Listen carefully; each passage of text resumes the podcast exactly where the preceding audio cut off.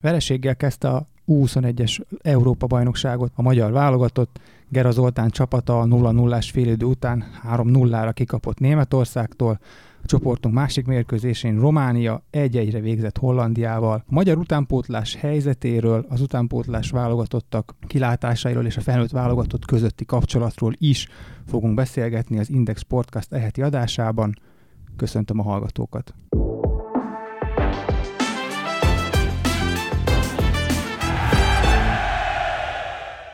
Ilko Miklós vagyok, ez itt az Index Sportcast. Mai vendégeim Kisbaranyi Sándor, a Ferencváros utánpótlás szakmai vezetője. Jó napot kívánok, üdvözlök a hallgatókat! És Antali Csádám, az Index sport újságírója. Szép napot kívánok! Kezdjük akkor, ahogy a felvezetőben is elhangzott a tegnapi mérkőzéssel. Ugye egy 3-0-ás vereség Németország ellen, 0-0 volt az első félidő, mondhatni, hogy e, ez egy papírforma eredmény. Tegyük hozzá, hogy a magyar válogatottból ugye 8 kulcsember hiányzott betegség vagy sérülés miatt. Sándor, te hogy láttad, mennyire festett reális képet ez a, ez a 3-0, és tegyük hozzá azt így előjáróban, hogy a tekintélyes német Kicker magazin uh, ugye csütörtökön megjelent számában a magyar válogatott kilenc tagjának a ötös vagy négyes feles osztályozatot adott, ami ugye hát a legrosszabb és a második legrosszabb. Ennyire lesújtó volt a teljesítményünk, vagy, vagy ezért a német lap egy kicsit árnyaltan látta és túl alul értékelte a magyar játékosokat? Nagyon nehéz erre a kérdésre jól válaszolni, mert miközben az eredmény azt gondolom, hogy számunkra hízelgő volt. Egyet kell, hogy értsek a kiker értékelésével, tehát a mérkőzés képe alapján valóban ez volt a reális értékelés, amit a német újságírók ugye numerikusan is kifejeztek, de sajnos azt kell, hogy mondjam, hogy meglepetés engem igazából nem ért, sőt, a tegnap pályára lépő csapatot, stábot én azt gondolom, hogy dicséret illeti, hiszen a rendelkezésre álló keretből, játékos állományból egy reális mérkőzés tervet készítettek. Én azt gondolom, hogy példaértékű volt a játékosoknak az igyekezete, a koncentrációja, az egész mérkőzésen azt éreztem, hogy kihozták önmagukból azt, amit ki lehetett hozni, vagy ki kellett hozni, de ez a valós kép, ekkora a különbség, bármennyire is nehéz szembesülni ezzel, és én nagyon örültem annak, hogy a szövetségi edzőn Gerazoli is megerősítette az én vélekedésemet, és mérkőzés végén egy teljesen reális értékelést hallhattunk tőle a tévénézők százezrei, vagy, vagy tévénézők sokasága előtt, nem titkolta el, hogy mi a valóság, és ezt a mérkőzést tökéletesen leképezte. Inkább azt érdemes nekünk, én azt gondolom elemezni, azon túl, hogy ennek a csapatnak a eredményességét, vagy az, a mérkőzés képét értékeljük, hogy hogyan lehetne ebből az állapotból előrelépni, illetve mi az, ami a németeknek ezt a fajta dominanciáját, ezt a fajta hatékonyságát eredményezte. Mi történt a múltban, mert hogy egy ilyen utánpótlás Európa bajnokság az mindig a háttérben zajló folyamatoknak a tökéletes leképeződése, egy tökéletes kép arról az elmúlt időszakról, ahogyan az az adott nemzet a saját utánpótlás képzéséről gondoskodott. Igen, és azért azt se felejtjük, hogy a legutóbbi EB ezüstérmeséről van szó a németek személyében. Amiben én nagy hiányosságot láttam, az az volt, hogy a labdával nem igazán tudtunk mit kezdeni, támadásban hiányzott az elképzelés. Sokszor volt olyan szituáció, hogy egy labdaszerzés után valamelyik támadó megkapta a labdát, és egy-két csel után nem is volt passz opciója, illetve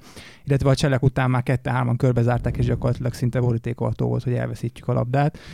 Húzamosabb ideig ugye nem is nagyon tudtuk megtartani. Ez minek köszönhető, hogy, hogy támadásban, tehát a kreatív emberek hiánya, taktikailag kevésbé képzettség, vagy az összeszokottság hiánya, ugye, hogy a sok kulcsember hiányzott? Mm, nagyon sok oka volt ennek. Én azt gondolom, hogy alapvetően képességek különbsége volt látható a pályán. Az, hogy ennek mi az oka, az értelemszerűen következik abból is, hogy a a magyar csapat a rendelkezésre álló kevés játékosból sem tudta a legoptimálisabb összeállítását választani, hiszen mi ugye nagyon kevés labdarúgóból választunk, nagyon, nagyon kevés potenciális játékos van, aki már ilyen nemzetközi szinten teljesítőképes játékosnak nevezhető. Abból az állományból is ugye azért azt említsük meg, hogy a Szoboszlai Dominik, a Szalai Attila vagy a Schäfer már az első keret tagja, vagy éppen most sérülés miatt ugye a Dominik nem tud játszani, de azért ők korosztályban még ennek a csapatnak a tagjai lehettek volna tegnap, hiszen két 98-as és egy 99-es játékosról beszélünk. Azon túl is, akiből a stáb választhatott volna néhányan, ugye Covid, illetve sérülések miatt kiestek, de függetlenül az ő jelenlétüktől, vagy éppen távolmaradásuktól, azért azt kell, hogy mondjam, hogy itt alapvetően képességek közötti különbség volt az, ami miatt egy jó játék elképzelést nem tudtunk tartalommal tegnap megtölteni. Egyszerűen elvesztünk ebben a dominanciában, ebben a nagyon exakt, tulajdonképpen nevezhetjük egyszerű de mégsem nevezném egyszerűnek, hanem inkább nagyon tudatos futballban, amit a németek jelenítettek meg a pályán. Tehát sajnos azt kell, hogy mondjam, hogy, hogy mondjam, inkább azt mondom, hogy nagyon a helyére tett bennünket ez a mérkőzéskép, amit láthattunk a pályán. Hát, hogyha egy kicsit ezt annyit szabad közbeszólni, hogy elég megjegyezni, vagy megnézni ugye a két kezdő 11-nek a csapatait. Tehát, hogy a németek közül hatan a Bundesligában játszanak, ketten játszanak a másodosztályban, a német másodosztályban, illetve volt két belga első osztályú, az Anderlecht játékosa, illetve az osztrák első osztályban a Salzburgból a Berisa, tehát ők is a bajnokok ligájában szereznek tapasztalatot, nálunk pedig ugye 8 az MB1-ben, egy MB2-es és két légiósunk volt ugye a Balog Botond és a Szőke Adrián személyében, tehát az sem mindegy szerintem, hogy, hogy, hogy a klubokból milyen tapasztalatokat hoznak ezek a játékosok, és ami nekem nagyon szembetűnő volt, hogy egy percig nem láttam izgalmat a németeken, hogy ezt a meccset nem fogják megnyerni, annak ellenére, hogy azért 60 percig szerintem, ahogy ezt az Zoli is elmondta, Sanyi által említett értékelésében nagyon fegyelmezetten, szervezetten védekeztünk, az első kaput találó lövésükből szereztek vezetést. Tehát addig gyakorlatilag a esét próbára sem tették a kapuban, helyén állt a védelem, ott viszont az a találat az átszakította náluk azt a gátot, ami utána ugye 12 perc alatt három gólt eredményezett. Igen, hogy a kicker is ez egy tipikus nyitó meccs volt. Uh, ugye érződött a németeken is, hogy még nem pörögtek fel, még nem érték el az üzemi hőmérsékletet, az első fél rá is ment, tapogatóztak, aztán a másodikban kijött a, a minőségbeli különbség, de még egy pillanatra maradnék a, a pozitívumoknál, ha már említettük, hogy azért azért akadt a magyar kapuban például Bese Balázs, aki ugye a kölcsönben a Budafoknak a kapusa, ő azért viszonylag stabil és jó teljesítmény nyújtott, és lábbal ö, nagyon jó és megbízható volt, illetve Balog Botond, ugye, akit említette az előbb a Pármának a védője, ő is jó teljesítmény nyújtott. Kit láttál még, akit ki lehet emelni, illetve te hogy láttad ki az, aki kiemelkedett a mezőnyből? Ha nem ők ketten, akkor ki? Hát őket mindenféleképpen, illetve szerintem a csereként beálló szintén Budafokon kölcsönben a Puskás Akadémiában ból kölcsönben játszó Skribek Alem volt az, aki vitt egy kis szint a támadójátékban. Nyilván neki azért már nehéz helyzete volt, meg, meg azért mentálisan egy több gólos hátrányban lévő csapatba beállni, és, és ott próbálni olyan teljesítményt nyújtani. Tehát ott azért ma mentálisan is nyilván ott szerintem elkönyvelték a játékosok, hogy ez a meccs elment, ott már nehezebb, de, de nekem még az ő játéka volt az, ami, ami tetszett. És hát igen, itt, itt az, még az elején, amiről beszéltünk, hogy ugye nyolc kulcsember, köztük ugye a csapatkapitány is, a Demien Patrik, valamint ugye a Sön Szabolcs, aki talán az idei NB1 egyik legkellemesebb meglepetése hiányzik, tehát e, már mint itt visszacsatolnék arra, hogy talán, hogyha egy kis, kicsit kreatívabb játékosok, akik ugye sérülés miatt nem szerepelhettek, ott vannak a pályán, akkor, akkor, akkor támadásban is többet tudtunk volna nyújtani. Nagyon érdekes érzéseim voltak tegnap a mérkőzést követően, és elkezdtem böngészgetni adatokat, és azon túl, hogy ugye a, a játékos kereteknek az összértéke az tökéletesen tükrözi azt, hogy hol tart a két ország labdarúgása, vagy akár utánpótlás képzésének a hatékonysága is, mert eh, mégiscsak a magyar keretnek az összértékét a Transfermarkt 6 millió néhány százezer euróban határozza meg, miközben mondjuk a német válogatott a 107 millió euró környékén volt, de példaként mondhatnám a franciák talán 420-430 millió összértékkel, de a következő, egyik következő csoport ellenfelünk ugye a hollandok is 195 millió euró körüli összértékkel bírnak. Tehát ez a szám bármennyire is akarjuk letagadni, vagy esetleg szemet hunyni e felett, tökéletesen tükrözi a két ország labdarúgásának a teljesítményét. És ezt a teljesítmény szót helyezném én a mai beszélgetésnek a középpontjába, mert a másik adat, amit megnéztem, azt mai napig nem tudom, nem tudom megmagyarázni, hogy miért, de megnéztem tegnap este, hogy mikor alapították a Bundesligát, a Bundesliga szervezetét. És a, a Bundesliga szervezetét 1962. július 28-án, tehát hamarosan 59 éves lesz maga a Bundesliga szervezete. A teljesítmény és a Bundesliga alapítása között találok összefüggéseket. Tehát az én értelmezésemben ez azt jelenti, hogy 1962 óta teljesítmény alapon működik a német labdarúgás. És ezt a teljesítményt véltem felfedezni a tegnapi mérkőzés képében. Ügyes magyar gyerekek, jó stáb, jó mérkőzésterv, bizonyos tekintetében a képzésnek, vagy a képzettségnek még azt gondolom mondjuk technikai értelemben adott esetben vannak is értékeink, de ez az egész nem funkcionális.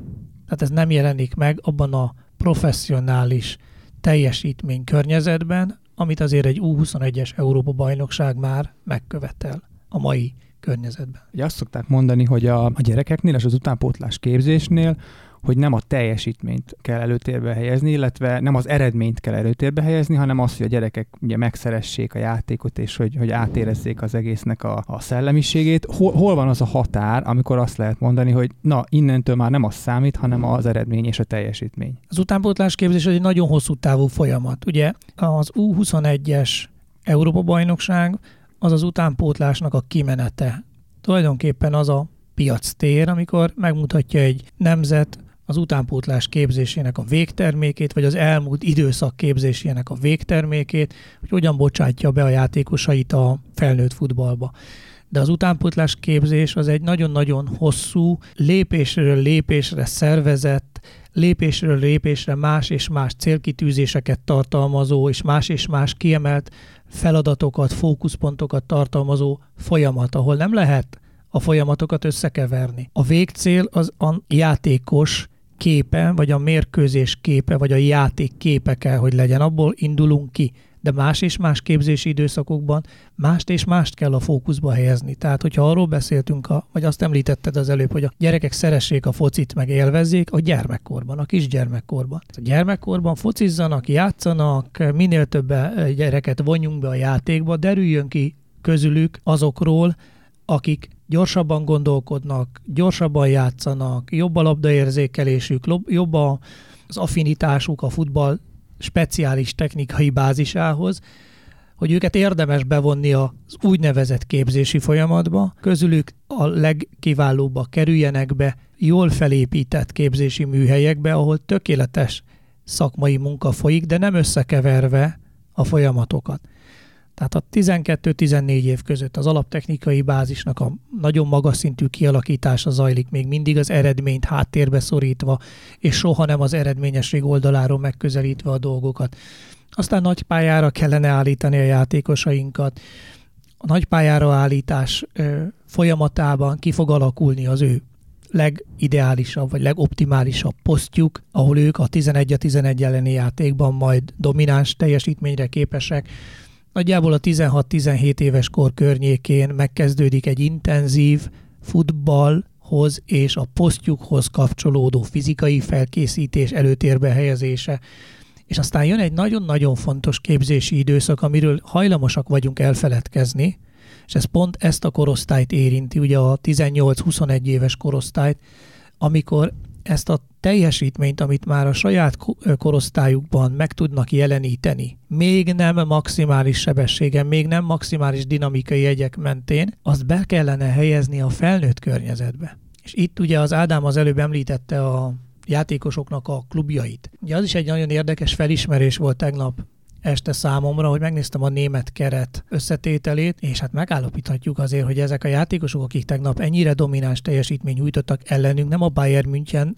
nem a Dortmund, nem a Lipcse, nem a Leverkusen csapataiban játszó kiemelkedő képességű játékosok, hanem Mainz, azért, a, Bielefeld. azért a Bielefeld, a Mainz, a Köln, mindegyik a kiesés ellen játszik, ott próbálnak minél több játékpercet gyűjteni, vagy éppen a belga 5. Anderlecht, illetve a belga 9. helyezett Gent csapatában kapnak több-kevesebb játék lehetőséget. Tehát ők is úton vannak még. Ők sem tekinthetőek teljesítőképes felnőtt játékosnak, hanem igyekeznek azzá válni, igyekeznek kiharcolni a helyüket a top csapatokban, a nemzetközi kupákban, vagy a saját jelenlegi csapatukban meghatározó játékossá válni. És ezt nekünk is reálisan kell látni. Tehát amikor a magyar játékos beválásának útjáról beszélünk, nagyon sokszor laikus véleményekkel is szembesülök és azt várjuk gyakran egy fiatal játékostól, hogy ő már a felnőtt futballra alkalmas jegyeket mutasson. Nem. A tehetségét meg tudja mutatni, bizonyos képességeket meg tud jeleníteni, de a teljesítménye nem véletlenül mondja azt a német képzés egyébként, hogy ez a 18-21 éves kor közötti két-három év. Ez arról szól, hogy a magas szintű teljesítményedet stabilizáld. És mi ezt, ezt kihagyjuk, ezt a lépést. Mi azt várjuk a 18 éves játékostól, hogy ő már képes legyen a felnőtt futballban domináns teljesítményt letenni. Különösen bennünket ér ugye gyakran vált, hogy miért nem játszanak a Fradi utánpótlás játékosok a Ferencváros első csapatában. Hát a Ferencváros első csapata jelen pillanatban a nemzetközi kupákban kell, hogy szerepeljen, és ő ezzel kell, hogy a, a magyar labdarúgást erősítse. Mi arra törekszünk a hétköznapokban reggeltől estig, éjt nappal lát éve, hogy olyan felkészítési rendszert kreáljunk, biztosítsunk a gyerekeknek, amivel a Fradi első csapatában is képesek lesznek majd a későbbiek során játszani. De oda ezt, ezt az utat nem lehet lerövidíteni. Ezt a stabil teljesítményt, Ádám, te kiben látod a jelenlegi keretbe, és szerinted ki az, aki, aki ezt átugorva akár légiósként is meg fogja állni a helyét? Kiben látsz ilyen potenciált? Hát a Balog Botond ugye már sokszor szóba került, ő azért nem véletlenül van már a pármában, és kapott már ott is lehetőséget, mind a bajnokságban, mind az olasz kupában, úgyhogy szerintem ő benne hosszú távon akár egy, egy meghatározó játékosa is lehet mind, mind a válogatottnak, mind pedig akár majd a klubcsapatában. Kis Tamás is egyébként szerintem egy ügyes és, és, és agilis játékos, aki azért most már az NB1-ben ugye hosszú idő óta mutatja magát és bontogatja a szárnyait. Régen ugye még a haladásból talán ott robbant be, amikor a Fradinak rúgott egy óriási győztes gólt néhány évvel ezelőtt. Bocsánat, Sanyi. hogy pont a Fradit említem, de, de azt hiszem, hogy ott, ott volt az, amikor őt, az ő nevét úgy megismerte a, a magyar közeg, illetve vissza kell térjek még Skribek aláhez, mert őt azért ugye szinte hetente látom a Budafokban játszani. Szerintem ő benne óriási potenciál van, tehát ő, ő, ő nekem akár személyes kedvencemnek is nevezhetem őt, mert nekem, nekem nagyon tetszik a játéka, az a harciasság, az a gyorsaság, azok a ritmusváltások, ami, ami benne van úgyhogy, úgyhogy őt még mindenképpen megemlíteném, de, de ez a szervezett csapatjáték, ami, ami azért tegnap megmutatkozott, szerintem sokakban benne van a potenciál, de ahogy Sanyi is mondja, itt időt kell adni annak, hogy ez kiforjon, és, és kiderüljön, hogy tényleg kik azok, akik hosszú távon is tudnak olyan szinten teljesíteni majd, hogy, hogy akár itthon, akár külföldön meghatározó játékosokká váljanak. A tegnapi mérkőzésen is, meg általában azt kell, hogy mondjam, hogyha a nemzetközi labdarúgás poszthoz kapcsolódó követelményrendszerét nézzük, akkor azért a Bola Bendegúzt említsük meg. Tehát a Bola Bendegúz tegnapi játéka is, meg egyébként az egész karaktere, fizikai mutatói, játékintelligenciája, technikai képzettsége, én azt gondolom, hogy ő potenciálisan egy magas szintű jobboldali védő játékos, lehet akár nemzetközi szinten is. Én nagyon szurkolok neki, mert ráadásul egy nagyon optimális felnőtté válási folyamatot látok az ő esetében, tehát nagyon jól felépített, megfelelő lépcsőket tartalmazó szakmai útvonalat látok én tőle várok egy, egy markáns teljesítményt még az előbb említett játékosokon kívül.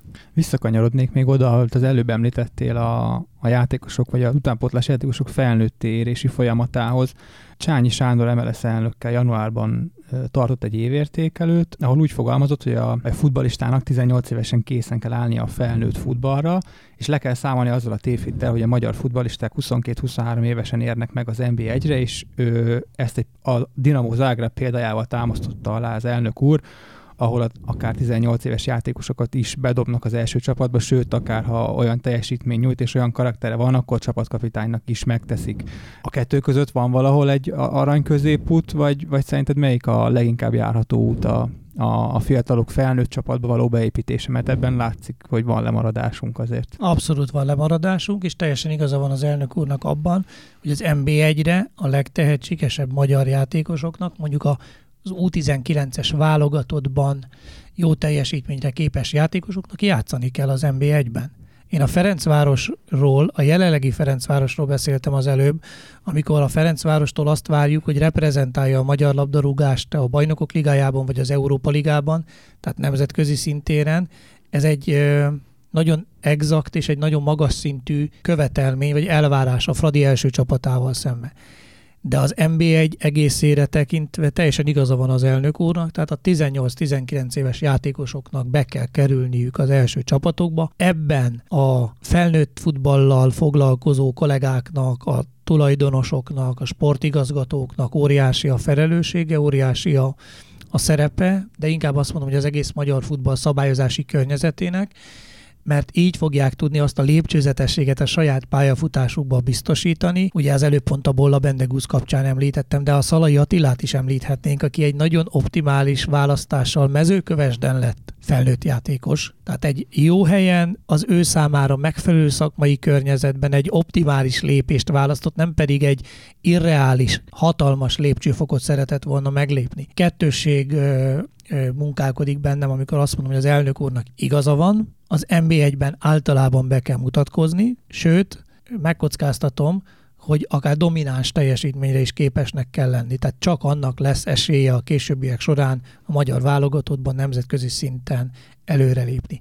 Ez az egyetlen egy út, ami most reális a magyar foci számára, mert nagyon kevés nemzetközi szinten is potenciális játékosunk van. A másik pedig értelmszerűen az utánpótlás képzés minőségének folyamatos javítása, és mondjuk egy ilyen tegnap esti mérkőzésből a tapasztalatoknak a nagyon hatékony feldolgozása és beépítése a mi munkánkba. Erről kell, hogy szóljon a következő időszak. A 12 csapatos NB1 nem könnyíti meg az edzők helyzetét a fiatalok beépítésével kapcsolatban, hiszen például ugye a Ferencváros, amely ugye, ahogy említetted, a nemzetközi porondra pályázik, és azon vesz részt most már évek óta rendszeresen.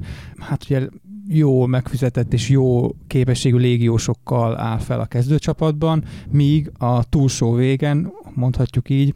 Ugye a kiesés ellen menekülő csapatok, amiből hát uh, idén elég sok van, és elég szoros a bajnokság, hál' Istennek, mert, mert jó meccseket láthatunk, de, de ott meg megvan egy olyan kockázati faktor, hogy, hogy azért nem nyúl a fiatalokhoz egy adott edző, mert, mert esetleg nem bízik benne, mert ha egy olyan hibát vét egy 0-0-ás meccsen, akkor az nagyon értékes három pontba kerülhet.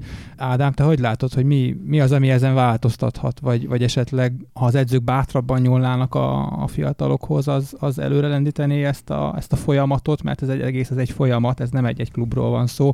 Viszont az is egyedülálló egyébként Európában, hogy a 12 csapatos bajnokságból kettő kieső van, tehát a bajnokság 17%-a kiesik. Ilyen azért nagyon kevés helyen van. Igen, hát ez a kislétszámú pontvadászatnak a hátránya, úgymond.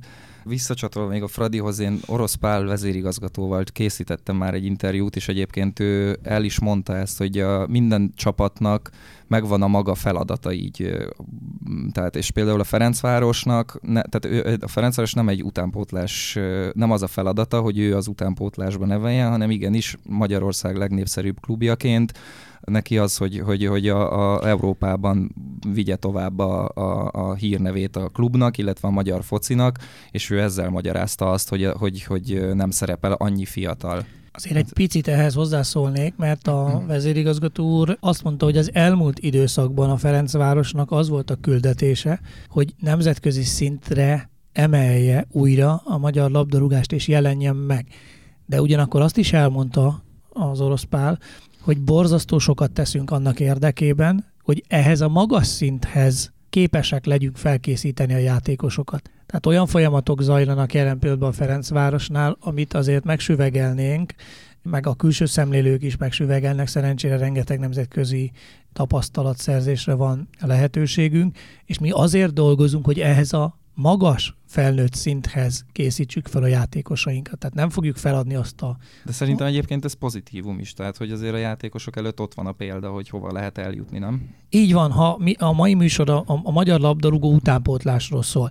Tehát a, nem lehet más célunk, mint a nemzetközi standardeket és benchmarkokat követni. Tehát a mi napi munkánknak a nemzetközi követelményrendszernek kell megfelelni de ma Magyarországon a nemzetközi futball követelményeit a Fradi első csapata tudja megjeleníteni.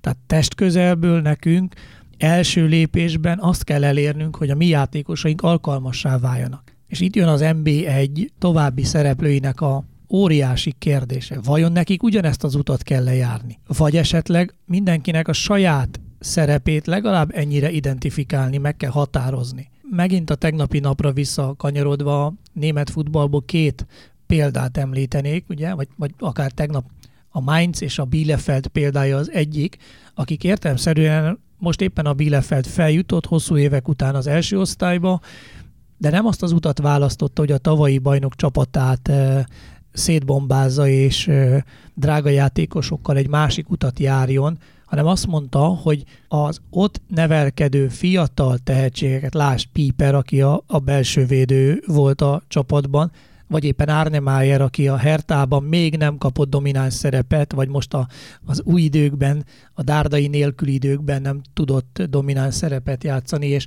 a fejlődése érdekében éppen Bielefeldbe ment kölcsön, tehát Bielefeld bevállalta ezt a szerepet, hogy a fiatal feltörekvő játékosokon keresztül, ha sikerül bent maradni az első osztályba, sikerül, ha nem, akkor is a saját utunkat járjuk. És erre talán a legjobb példa a Freiburg esete, ahol ugye a Salai Roland is pallérozódik. A Freiburgnak az üzleti stratégiája az a Bundesliga 12-24. hely eléréséről szól. Tehát az egész üzleti koncepció úgy van fölépítve, hogy a másodosztály első hat helye is szerepel a célkitűzések között. Pontosan azért, mert az ő sportszakmai koncepciójuk a játékos nevelésről szól, a játékosok piacra való felkészítéséről szól, ebbe pontosan tudják, hogy hullámvölgyek lesznek a teljesítményben. Tehát nem esnek kétségbe, 15 vagy 17 éve talán ugyanaz a vezetőedző van, aki egyébként 40 éve dolgozik a klubnál. Tehát itt az NBA többi szereplőjét én arra biztatnám, hogy saját útjukat határozzák meg, identifikálják, tudják azt, hogy nekik mi a küldetésük. És ilyen tekintetben borzasztó szimpatikus például a Budafoknak a, az idei szereplése, vagy az elmúlt évekbeli építkezése.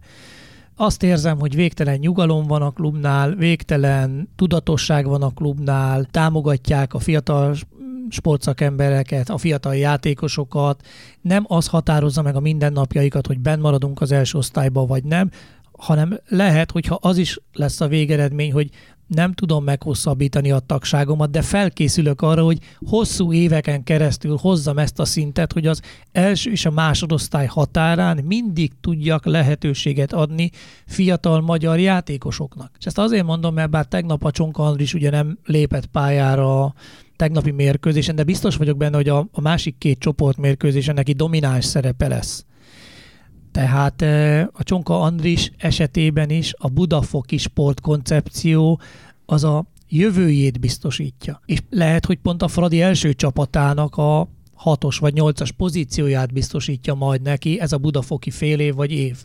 De a Skribák ellent is említhetjük, akit ugye Ádám már többször említ, említett, hogy ő most megmutatja magát, a tehetségét teljesítményét tudja konvertálni, és azt követően majd a saját csapatában visszatérve kiharcolja a helyét és a játékperceket. Igen, meg szerintem az eredeti kérdésre még visszatérve, hogyha szurkolói fejjel gondolkozunk, akkor az egy szurkolónak sem mindegy az, hogy saját nevelésű magyar játékosok harcolnak a pályán, és esetleg buknak el, vagy pedig mondjuk külföldről idehozott játékosok, tehát én mindenféleképpen ezt a hazai vonalat támogatnám, hogy, hogy válaszoljak a kérdésre, és egyébként szerintem azért több csapatnál itt már a, a mezőkövesdet is említettük, de az MTK is jó példa szerintem, akiknek nyilván van egy nagyon komoly akadémiai rendszerük, és, és talán előnyben vannak a többi riválissal szemben emiatt, de, de, de szerintem megfigyelhető most egy ilyen tendencia, hogy egyre, egyre inkább bíznak a magyar fiatalokban, ami szerintem mindenféleképpen pozitív.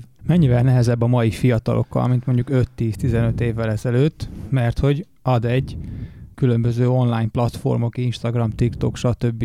játékkonzolok egyre inkább teret nyernek, ad kettő a koronavírus miatti lezárások, kiárási korlátozások miatt ugye a, eleve a mozgás korlátozva van, és mondják a szakemberek, hogy mozgás szegényebb a mai fiatalok életmódja. Én nagyon bízom ma a fiatalokban, és nagyon hiszek bennük. Én nem gondolom, hogy különösebb probléma lenne abban az esetben, ha az ő környezetük, jelen esetben most a humán környezetükre gondolok, tehát az őket körülvevő felnőttek megfelelő inspirációt, megfelelő példát tudnak mutatni nekik Szerintem nagyon elkötelezettek a fiatalok, tehát ők bevonhatóak a nagyon intenzív munkába, rengeteget foglalkoznak a labdarúgással, gyakorlatban is, de azt tapasztalom, hogy elméletben is. Természetesen nagyok a különbözőségek közöttük is, de ez az élet minden területén így van, és ez így volt akkor, és amikor én gyerek voltam. Tehát ez akkor sem mindenki volt elkötelezett, akkor sem mindenki volt szorgalmas. Tehát szokták mondani, hogy minél öregebb az ember, annál rózsaszínűbbnek látja a múltat, és hajlamosak vagyunk a mi generációnkat még túl dicsérni a mostaniakhoz képest.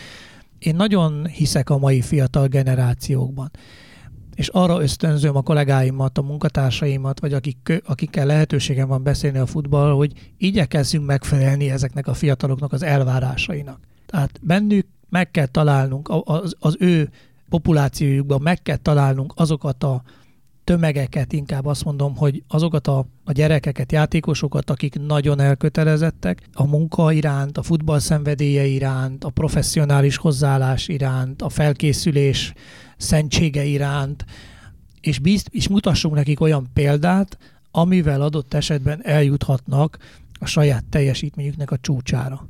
És nagyon különböző utak vannak. Tehát ami, ami még egy nagyon nagy kihívás számunkra, és talán az első kérdésben is érint veled, hogy legyen egy utunk.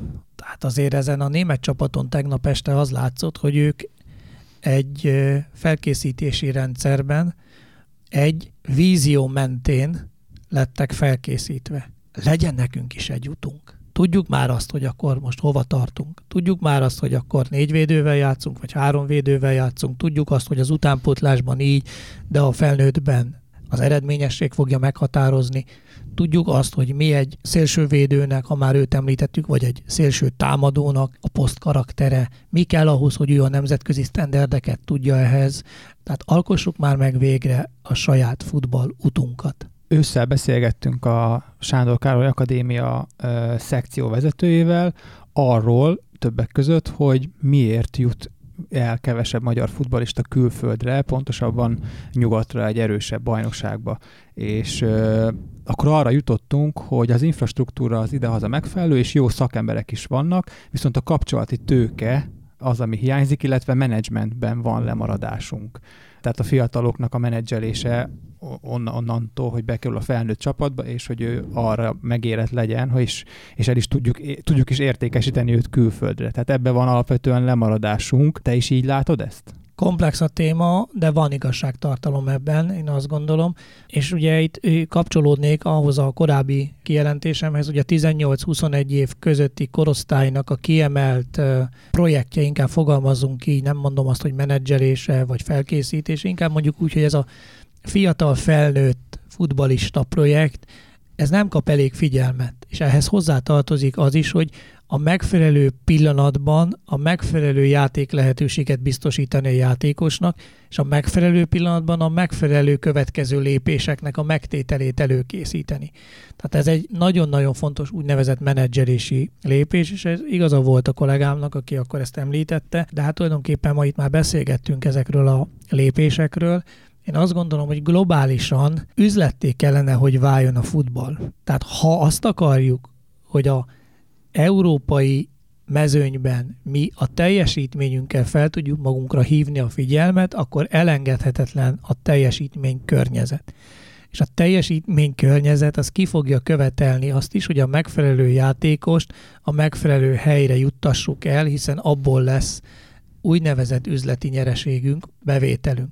Nagyon-nagyon komplex folyamat, ezt ugye a, már itt a műsorban szóba került a, a Zágreb példája, hát nem akarok visszafelé mutogatni, de azért múlt héten történtek események, tehát amikor üzletről beszélünk, akkor nem biztos, hogy mindig csak a pozitív oldalát kell ennek megemlíteni, tehát azért abban a történetben vannak erős kérdőjelek is, de mégiscsak egyfajta szemléletmód, és mégiscsak arról szól a történet, hogy juttassuk el egy olyan piaci környezetbe a piac képes játékosunkat, ahol ő további értéket fog tudni generálni.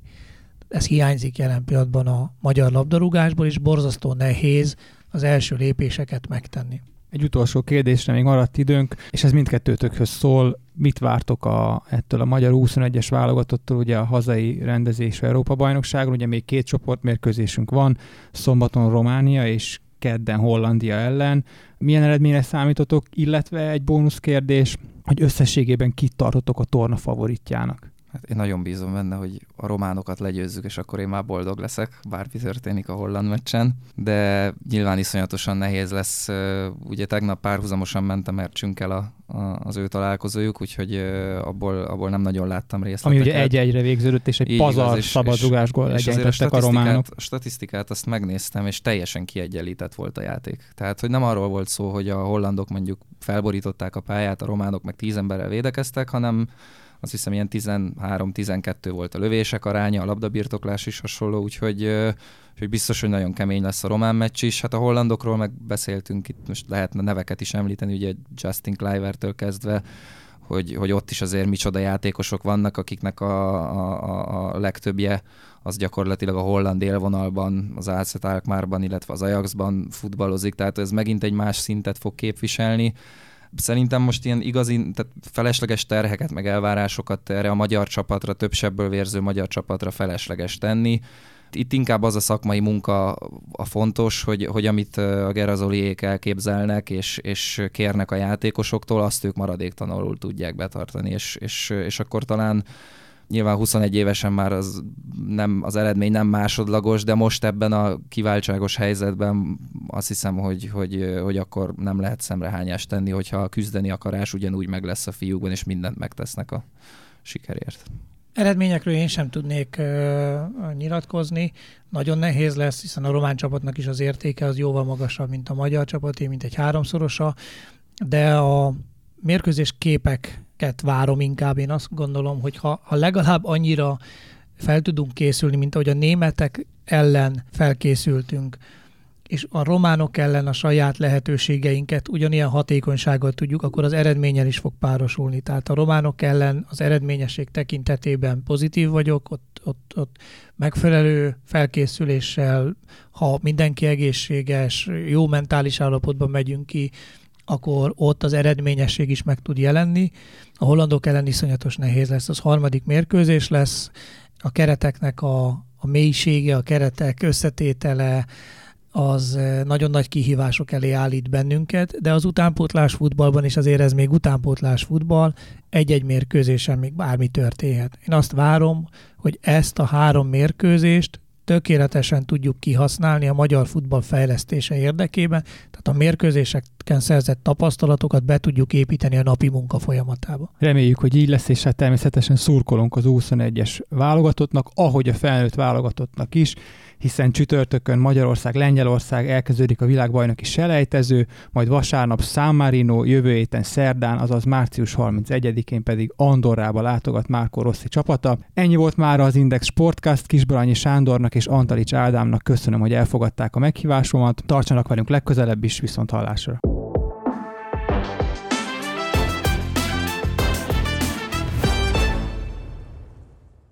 A műsor a Béton partnere.